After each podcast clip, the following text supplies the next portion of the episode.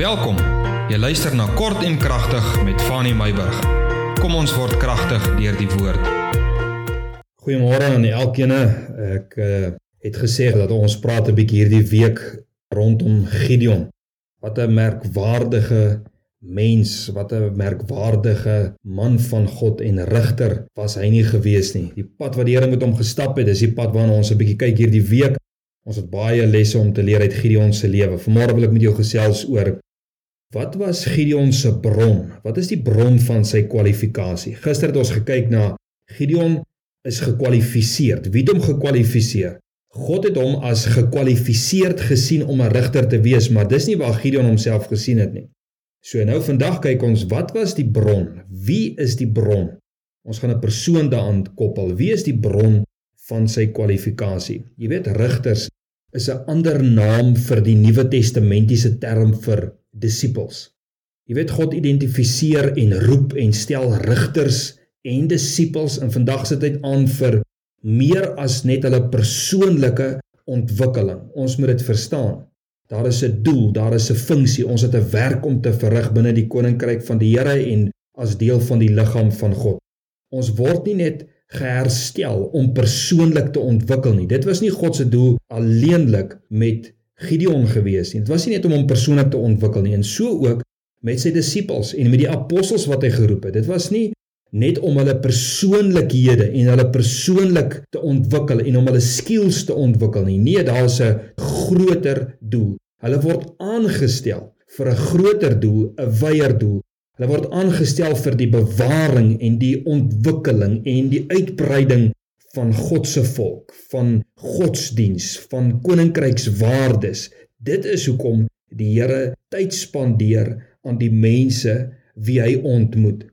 Jy weet die Nuwe Testamentiese begrip is nie soseer een leier oor almal nie, maar baie individuele persone met dieselfde doel, met dieselfde funksie. Alhoewel daar tog volgens die Bybel ouderlinge en diakens en dan die vyfvoudige bediening soos wat Paulus dit mos nou noem, aangestel word. Word hulle aangestel dalk as in 'n mate voorlopers uh, by mekaar roepers en aktiveerders en opsieners van die taak. Maar tog het elke mens 'n doel, 'n funksie. Elke mens word geroep as 'n disipel. En dit is waarby ek wil uitkom vanmôre. Tog hang hierdie hele nasie van Gideon, as ons net gou vir 'n oomblik kan teruggaan na hom toe. Die hele volk van God hang af van die regstelling van Gideon se gesindheid teenoor sy herkoms en sy persoonlike ervaring binne sy familie af. Dit is waarna ons gister gekyk het. En indien hy nie insig gaan kry oor hierdie twee sake nie, gaan hy 'n volk teleurstel en hulle herstel terug na God toe, gaan hy in die wiele ry. Maar vanmôre kyk ons, hoe kom die herstel? Wat is die bron van Gideon se kwalifikasie? Hoe het die herstel gekom in sy hart? Die Here maak 3 stellings teenoor Gideon. Stelling nommer 1, dit kry ons in vers 12 en vers 16. Vers 12 sê: Die engel van die Here het aan Gideon verskyn en vir hom gesê: "Die Here is met jou." Vers 16: Toe sê die Here weer 'n keer vir hom: "Ek sal met jou wees." So die eerste stelling wat die Here gemaak het teenoor Gideon, Gideon, ek is met jou. Die tweede stelling kry ons in vers 14. Toe draai die Here hom na Gideon toe om en hy sê: "Gaan in hierdie krag van jou. Jy moet gaan in die krag van jou." En ook in vers 14 en dit is die derde stelling wat die Here gemaak het teenoor Gideon en hy het vir hom gesê: "Is dit nie ek wat jou stuur nie? Ek stuur jou. Wat is die drie stellings? Gideon, die Here is met jou. Jan, San, Piet, Koos, die Here is met jou. Gaan in jou krag. Ons gaan nou daarna kyk vinnig. Ek stuur jou. Dit is die volgende stelling wat die Here gemaak het. Baie belangrik. Jy sal sien dat God nie Gideon bekragtig het met hierdie tipe bo-natuurlike krag soos wat hy Samson bekragtig het of aan Gideon 'n staf gegee het soos wat hy aan Moses gegee het of aan hom koningskap toebedeel het soos wat hy later aan Dawid gegee het nie. maar hy gee vir hom hierdie 3 stellings. Dis al wat hy vir hom gee. Hy gee vir hom 3 stellings om hom te aktiveer. Toe die Here met Moses gepraat het, toe sê Moses toe hy sy klagte voor die Here bring, toe sê die Here: "Oké, ek gaan vir jou iemand gee wat saam met jou gaan." En hy gee vir hom sy staf. En uh, toe Samson geroep was, het die Here vir hom hierdie geweldige krag gegee. Ek dink net vir 'n oomblik, wat is die krag wat hierdie man gehad het om met 'n eselskakebeen soveel Filistyne te kan doodslaan? Hy het nie vir Gideon koningskap gegee soos vir Dawid om daar agter die skape gaan uithaal en hom gesalf en gesê nou is jy koning nie. Nee. Die Here gee vir Gideon drie stellings en hy moet op daardie stellings moet hy reageer. Nommer 1, die Here is met jou soos ons gekyk het. Gaan in jou krag, ek stuur jou. Dit is wat die Here vir Gideon gee. Dit is die bron van sy kwalifikasie. Die Here is met jou gaan in jou krag, ek stuur jou. Besef jy die krag in die roeping van God? Besef jy dit? Dink vir 'n oomblik. Dit was Gideon se krag, sy roeping. Die krag in die roeping van God, dat jy nie jouself aanstel of deur mense aangestel word nie, maar wanneer God jou aanstel. Ek wil hê jy moet vanmôre sien die krag in die roeping van God oor jou lewe. Dis nommer 1. En met hierdie drie stellings bevestig God aan Gideon dat hy nie 'n herkoms of 'n sekere posisie in sy familie nodig het om gekwalifiseer te wees vir 'n goddelike roeping en aanstelling nie. Wonderlik, nê? Besef jy die waarde van God se woorde oor 'n ordinêre man waar God vir hom sê, ek is met jou, ek stuur jou. Dit beteken een ding. Gideon is gerigsteen deur God. Hy hoef nie te twyfel of minderwaardig te wees nie. Hy hoef nie terug te kyk in sy geskiedenis en sy herkoms nie.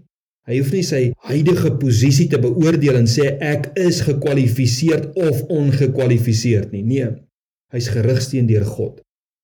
Hy hoef nie te twyfel nie. Jy weet op 'n stadium toe vra die disippels vir Jesus in Johannes 6 vers 28 tot 29. Hulle vra: "Here, Hoe gaan ons die werke van God doen? Dis wat Gideon gevra het. Ek wil hê jy moet die evangelie moet jy kan raak sien in rigters in die verhaal van Gideon.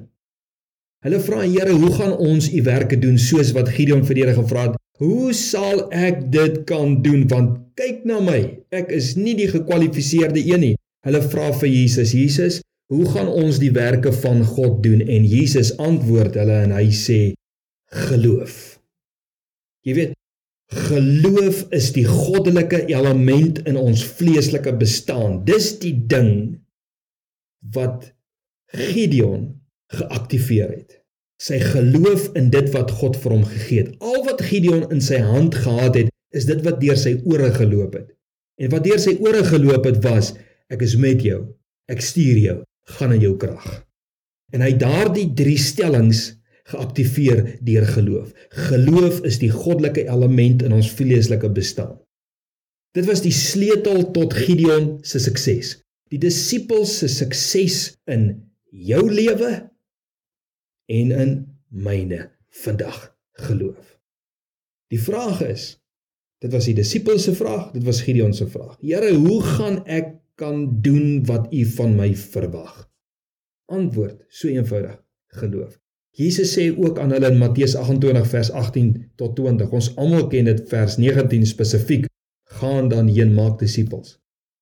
Hy sê van vers 18 tot vers 20 sê Jesus vir sy disippels. Hy sê ek besit al die mag in die hemel en die aarde. Al die mag in die hemel en die aarde behoort aan my. Ek stuur julle. Is dit nie presies die woorde wat Jesus vir Gideon gesê het? Wat God vir Gideon gesê het nie? Ek stuur jou. So het Jesus gesê in Matteus 28: Ek stuur julle met dieselfde belofte wat hy aan Gideon gegee het. Ek is met julle. Is dit nie wonderlik nie? Gaan lees Matteus 28 vers 18 tot 20. Ek stuur julle. Alle mag in die hemel en op aarde behoort aan my. Ek stuur julle en ek is met julle. Maar met dieselfde begrip en dis waarmee ek nou wil afsluit. Met dieselfde begrip as met Gideon gaan in jou krag. Wonderlik, nê? Nee? Die Here sê eerste, Ek is met jou. Ek stuur jou. Maar daar is ietsie wat die Here wil hê hy moet verstaan. Hy moet begrip van hê. Gideon, gaan in jou krag. En ek wil vir jou sê dit is nie teenstrydig met God se vorige twee stellings dat ek is met jou en ek stuur jou en nou kanselleer gaan in jou krag daardie twee stellings uit nie. Nee. Dit beteken het Gideon tel jouself aan jou krag op en gaan doen die werk. Geen verskonings nie. Gaan in jou krag. Asof die Here vir hom daardie ingeboude vermoë gegee het om op te staan en te sê man, ek kan dit doen. Hoekom? Omdat eerstens God het my aangestel. God het my geroep en hy het my gestuur. Sê op my eie aandrang nie. Geen verskonings. Ek stuur jou. Ek is met jou. Al wat jy moet doen Gideon, glo dit. Geloof. Here, hoe gaan ons u werke kan doen? Vra die disippels. Geloof. En gaan openbaar die krag van jou roeping. Ek stuur jou. Ek is met jou. Glo dit. Gaan openbaar die krag van jou roeping.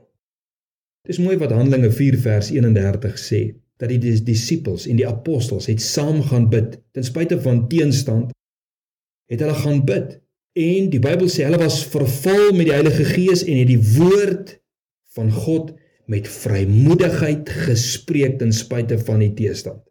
Dis die krag van God. Ek is met julle. Hoe is ek met julle? Deur my Gees. Ek stuur julle. Gaan in jou krag staan op en gaan doen die werk. Kind van die Here, is jy gekwalifiseer? Ja, God sien jou as gekwalifiseer. Wat is die bron van jou kwalifikasie? Die Here is met jou. God stuur jou.